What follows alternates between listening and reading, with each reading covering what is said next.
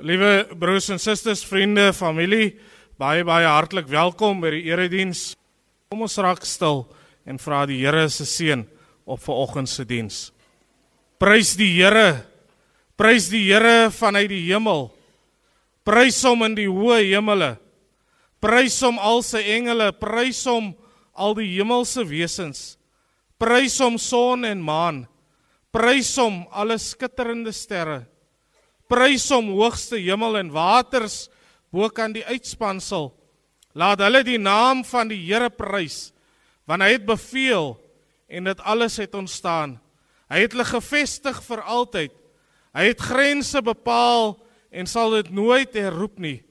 Prys die Here vanuit die aarde, see monsters en die diep waters, weerlig en haal, sneeu en miswolke, stormwind wat hom gehoorsaam berge en alle heuwels, vrugtebome en alle seders, wilde diere en al die lewende hawe, kruipende diere en voëls, konings van die aarde en alle volke, heersers en regters van die aarde, jong manne en meisies, grysaards saam met kinders.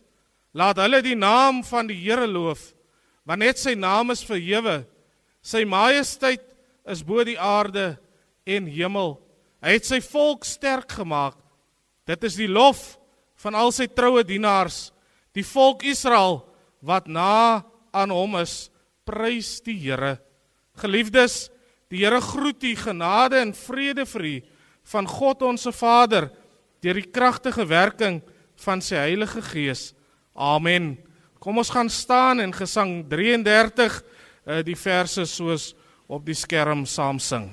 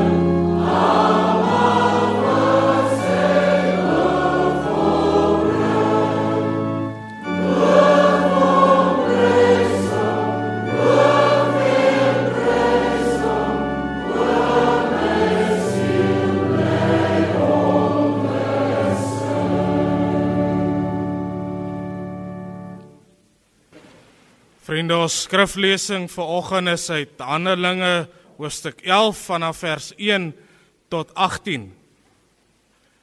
Die apostels en die ander gelowiges in Judea het gehoor dat ook nie Jode die woord van God aangeneem het.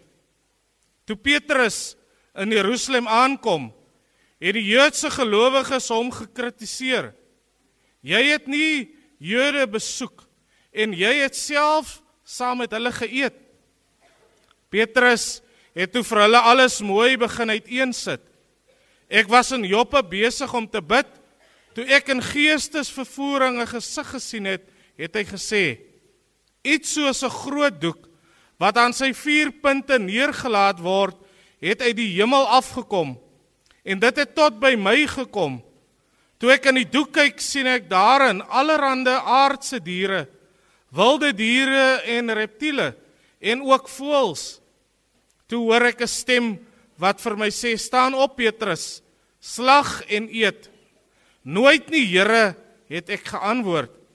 Iets wat onrein is, het nog nooit my mond binne gegaan nie. 'n Tweede keer het 'n stem uit die hemel gereageer: "Wat God rein gemaak het, mag jy nie onrein ag nie." Dit het 3 keer gebeur en daarna is alles weer in die hemel opgetrek. Presies op daardie tydstip het 3 mans wat van Caesarea afgestuur was by die huis aangekom waar ons tuis was. Die Gees het vir my gesê dat ek saam met hulle moet gaan en dat ek nie moet aarzel omdat hulle nie Jode is nie. Ek het toe saam met hierdie 6 medegelowiges gegaan En ons het die man wat my laat haal het sy huis binne gegaan. Hy het vir ons vertel hoe hy die engel in sy huis sien staan wat vir hom sê: "Stuur mense Joppe toe en laat vir Simon met die noemnaam Petrus daar haal. Hy het 'n boodskap vir jou waardeur jy verlos sal word, jy en jou hele huishouding. Ek het net begin om die goeie nuus aan hulle te vertel." Toe kom die Heilige Gees op hulle net soos op ons in die begin. Toe dink ek aan die woorde van die Here toe hy gesê het Johannes het wel met water gedoop, maar julle sal met die Heilige Gees gedoop word. Aangesien God dan dieselfde geskenk aan die nie-Jode gegee het as aan ons toe ons tot geloof in die Here Jesus Christus gekom het, watter reg het ek om God te keer? Toe hulle dit hoor, het hulle stil geraak. Hulle het God begin prys en gesê God het selfs nie Jode tot inkeer gebring om aan hulle die lewe te gee. Tot sover die woord van die Here.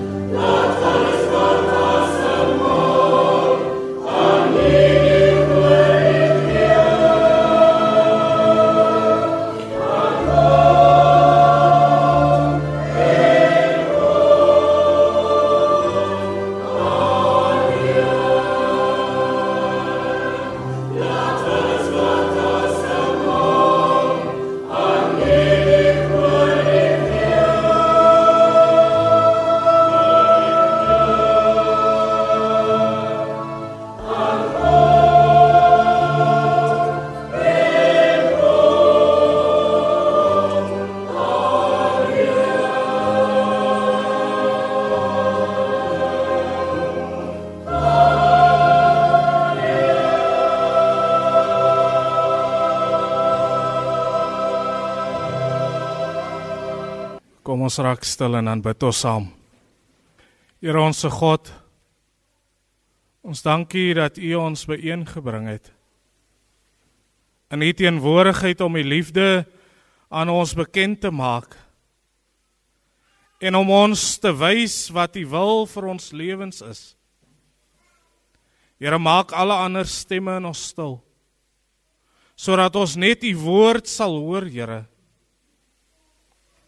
Open tog ons verstand en ons hart vir die waarheid deur die werking van die Heilige Gees. Laat ons harte nie u waarheid inperk en die liefde begrens nie. En kom wys vir ons se oggend hierop nuut u grenslose liefde.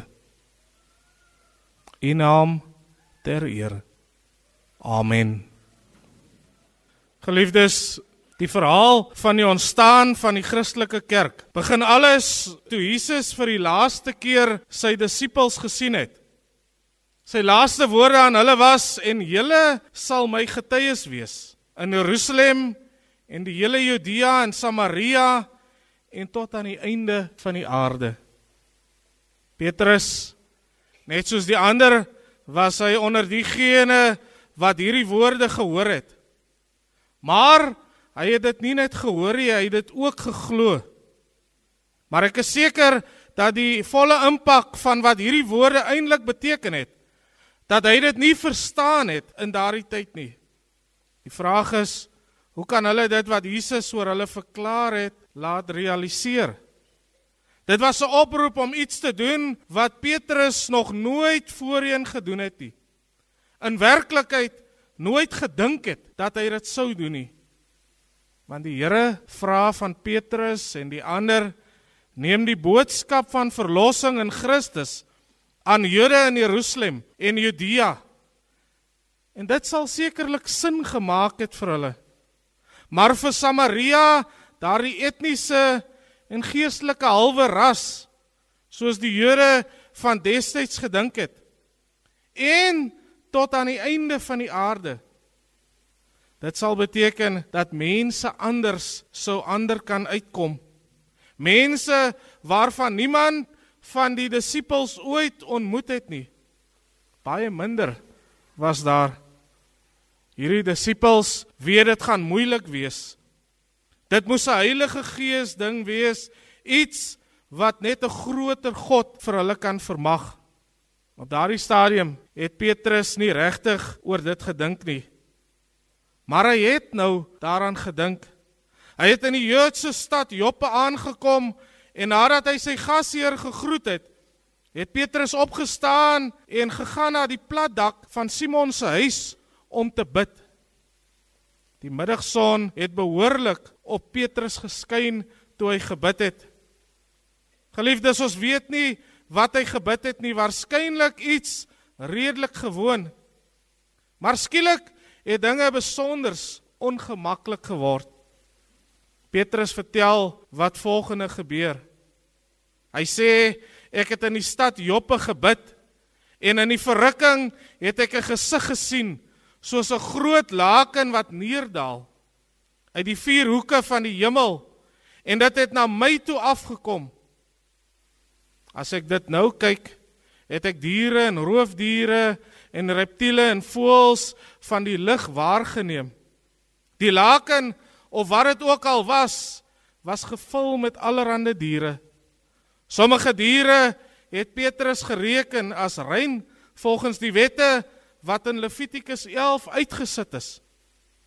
Daar was egter 'n groot aantal onrein diere in hulle gemeng. Diere wat 'n matig toegewyde Jood nie eers sal aanraak nie veel minder nog eet. So het die bevel wat die visie gevolg het as 'n skok gekom. Die engele wat vir Petrus sê: "Staan op Petrus, slag en eet." Verbaas vra hy: "Wat gaan hier aan?" Dit was nie 'n soort fout gewees nie. Want God laat daar geen fout wees nie. Om die waarheid te sê, God het hierdie visie nog 2 keer vir Petrus herhaal.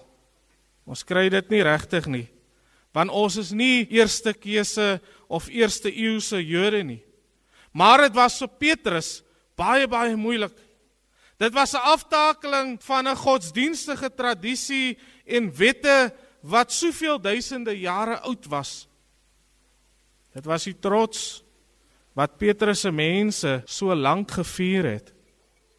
Dat hulle dinge gedoen het wat hulle van hulle bure afgesonder het.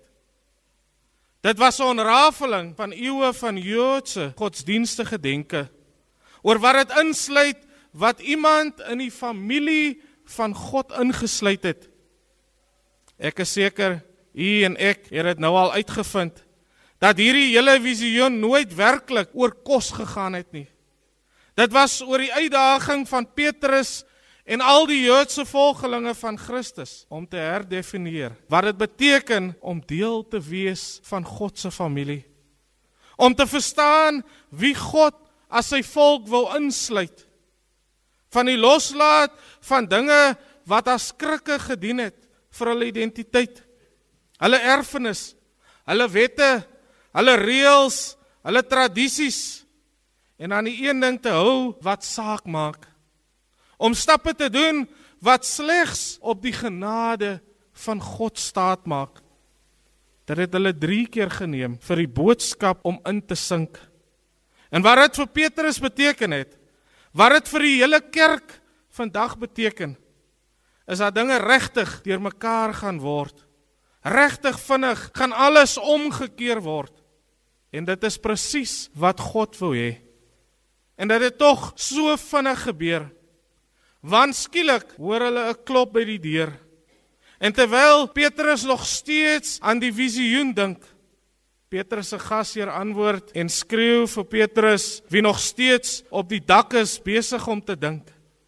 Petrus en verbaas en hy hoor by die monde van sy gasheer hier is manne om jou te sien.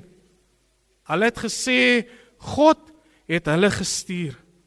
Hulle het hom vertel hoekom hulle daar was Want hulle meester, 'n man met die naam van Kornelius, het ons vertel hoe hy die engel in sy huis gesien het.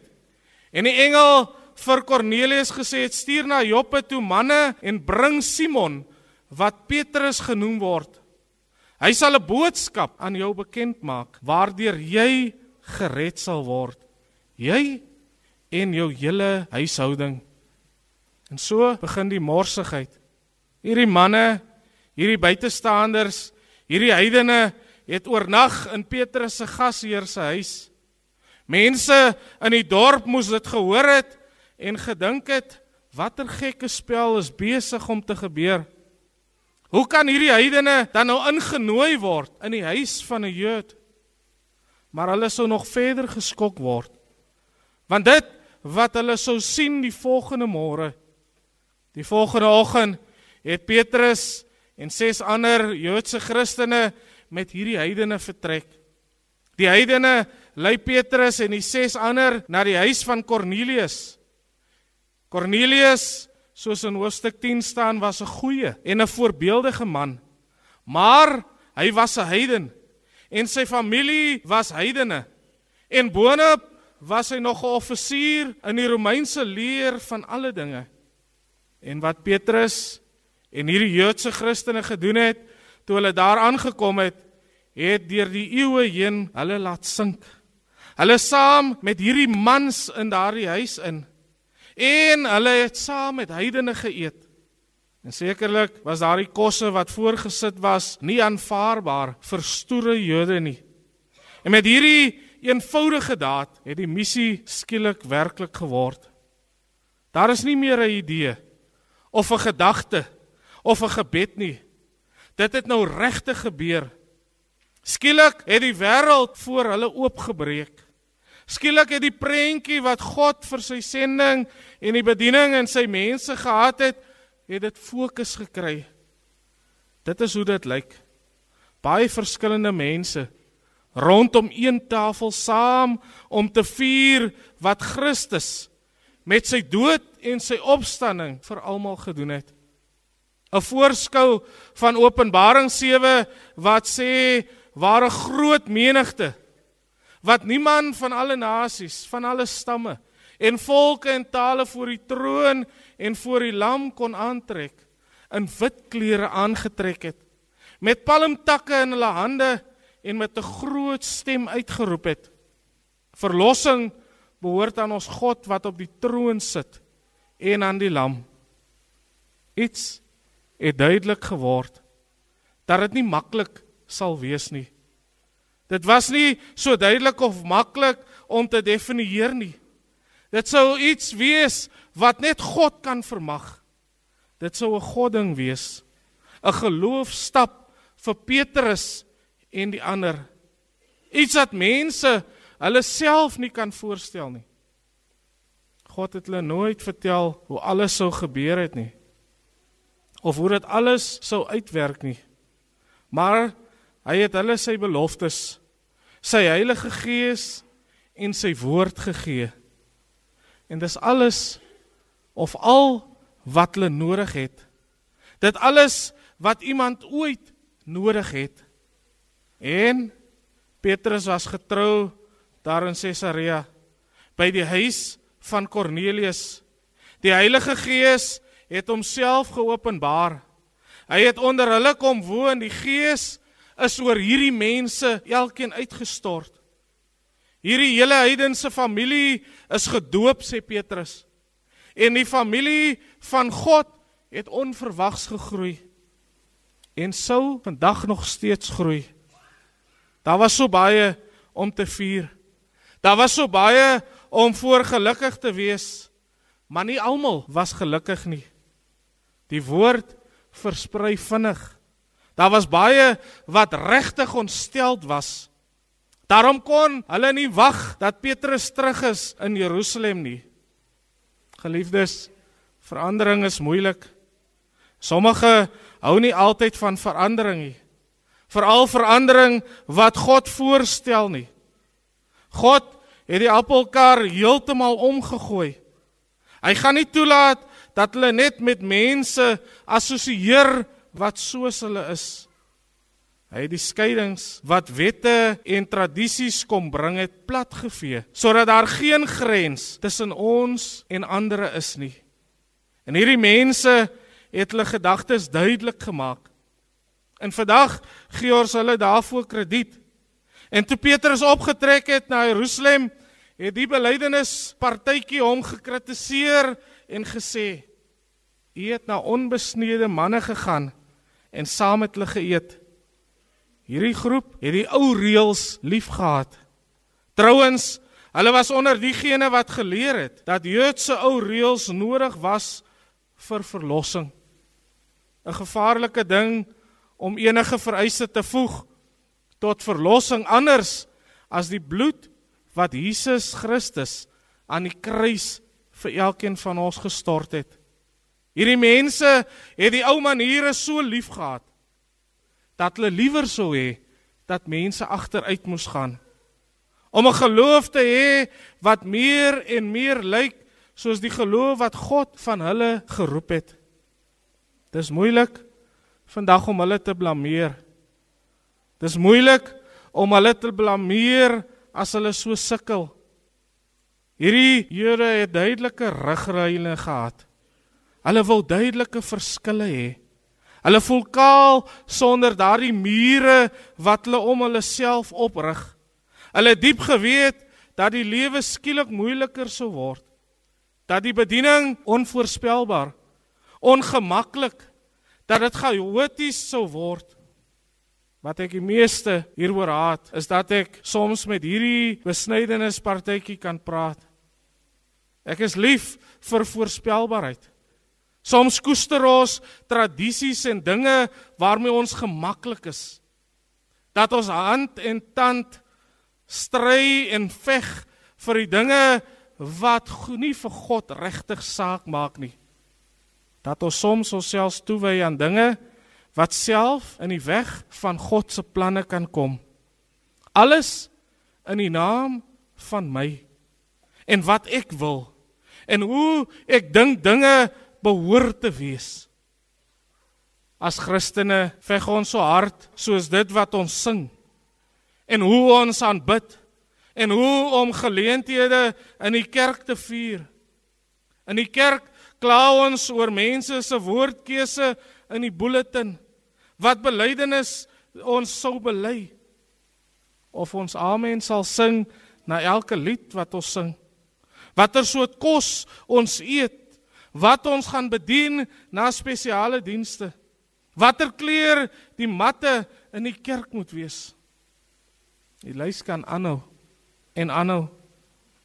Dis dinge waaroor God nie omgee nie.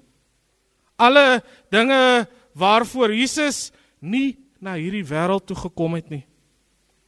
Waarvoor hy gekom het? Eerder vir wie hy gekom het, is vir ons duidelik. Hy het vir mense soos ek en u na die wêreld gekom. Hy het gekom om mense wat verlore is te red deur sy kosbare bloed. Hy het gekom om mense te red wat hom nog nie ken nie. Mense wat ek en u dalk ken. En wat ek en u van weet.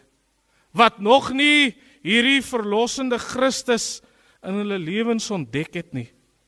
Mense wat nog nie weet dat hulle onvoorwaardelik lief gehad was deur 'n kragtige en tog vergewensgesinde heilige en tog volkome barmhartige God.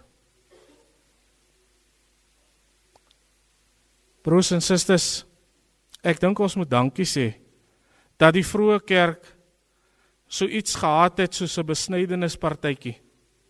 Daar was ander meer eintlik wat deur die Heilige Gees gelei is en nie 'n begeerte gehad het om vas te klou aan die ou wette en die ou regulasies nie. Die Heilige Gees bring soms ongemak. Dit vra van ons om van onsself te vergeet. Maar die oorwinning is soet. Toe Petrus berig het wat gebeur het, was die mense hierdie Jode wat daar in Jerusalem agtergebly het, toe hulle dit aanvanklik hoor, was hulle almal geskok. Net soos ons vandag sou wees. Maar verandering is moeilik. Maar toe hierdie dinge gebeur en hulle dit hoor, het hulle almal stil geword. Hulle het God daarna verheerlik. Hulle het vir mekaar gesê God het ook vir heidene gesterf sodat hulle tot bekering kan kom en die ware lewe kan ontvang. Ons is vandag saam met hulle bly want dit is hoe God sy kerk gelei het om mense soos ek en u en ons voorvaders en ons grootouers in te sluit. Dank God dat hy mense lei om hom te volg. Dat hy mense moed gegee het om betrokke te raak by die stryd om sondaars te roep tot bekering. Dat hy mense wat verwerp voel nader trek sodat hulle hulle self kan bekeer. Sodat sondaars vergifnis ontvang en die missie van God kan voortgesit word tot aan die uithoeke van die aarde. God roep die kerk steeds om hom vandag te volg. Hy roep ons nog steeds om te veg teen selffondaanheid. Hy roep ons nog steeds om te midde van ongemaklikheid om lief te hê. Hy roep ons om dit te vier. Ons missie is om mense met die evangelie te konfronteer. Om ons heen is mense wat ongemaklike siele het, wat uit gebroke gesinne kom, wat behoeftes het. Rondom ons is mense wat nie soos ons is nie. Mense met diep behoeftes in liggaam en siel. Mense wat Jesus Christus nie ken nie. Daar is mense hier uit alle dele van die wêreld. Daar is jou bure wat jy dalk goed ken, maar wat Jesus nodig het. Vraag vanoggend is, hoe kan ons dit bereik? Hoe kan jy jou buurman of jou medewerker of jou vriend met die evangelie bereik? God Here dalk nog nie presies vir jou uitgespel nie. En hy sal waarskynlik ook nie. Maar hy roep jou om geloof te hê, om op hom te vertrou. Hy stuur jou om so ver te gaan as wat jy kan sien. En vertrou dat wanneer jy daar kom, dat jy nog verder sal sien. Ons weet nie elke dag wat die deure God mag oopmaak nie. Maar ons gaan daar waar God ons roep om te gaan. Miskien vanoggend roep God jou om 'n vriend uit te nooi om kerk toe te gaan. Miskien is dit te veel en al wat jy kan doen is om jou vriend lief te hê. Of om saam met hom of haar te bid. Of om vir hulle te sê dat jy vir hulle bid. Of om 'n koppie koffie saam met hulle te geniet. Miskien is alles wat jy kan doen wat jy jouself voorstel aan iemand wat jy al die tyd sien, maar jy nog nooit ontmoet het nie. Neem 'n kans vanoggend en kyk wat God kan doen. Jy sal aansluit by 'n lang lyn van Christene wat gevolg het waar God gelei het. Selfs al het hulle nie presies geweet waar dit was of hoe dit gaan lyk nie. God het nooit gesê dat die taak en die roeping wat hy vir ons het sal maklik wees nie. Is altyd nodig om 'n vertroue op God te hê. Ek maak dit nie vir oggend op nie. Jesus self vertel ons dit. Ek wil afsluit. Ons sal ons geniet in waartoe God en waarvoor God ons geroep het. Ons sal sukkel. Ons sal huil, ons sal treur, maar ons sal nooit spyt wees. En dit is eintlik iets wat vir ons ewig sal duur. Christus het gekom en gesterf vir ons sondes. Hy het uit die dood opgestaan en Christus kom weer terug. Geliefdes, hy het dit vir u en vir my het hy dit alles kom doen. Dis 'n vreugde wat nooit van ons weggeneem kan word nie. Dis 'n jammer dat die wêreld wat in hartseer toegedraai is, wag om dit te hoor. Dis tyd om jou kans op te neem en gehoorsaam te wees aan die God wat elkeen van ons roep. Kom ons bid saam. Here, ons wil vandag gehoorsaam wees net soos Petrus gehoorsaam was. Ja Here, sodat ons vir die wêreld wat verlore is kan vertel van 'n Christus wat vir ons sondes kom sterf het en opgestaan het en lewe. Dankie dat U ons roep dat U ons elkeen bekwam maak vir die werk wat vir ons voorlê. Dankie dat ons u getuies kan wees in Jerusalem, Judea, Samaria en tot aan die uithoeke van die aarde. Ons bid dit omdat u ons verlosser en ons saligmaker is. Amen. Ons gaan staan en saam sing ons slotlied, sê ons gesang 289.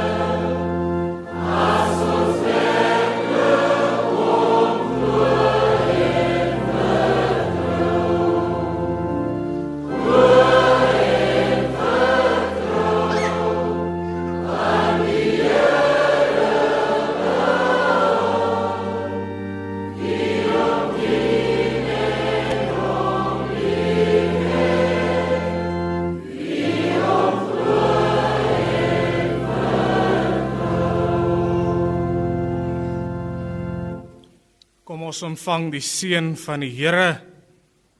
Die Here sal vir jou goed wees en vir jou sorg. Die Here sal al jou gebede verhoor en vir jou sy vrede gee. Die Here sal jou goedgesind wees en sy voorspoed gee van nou af tot in alle ewigheid. Amen.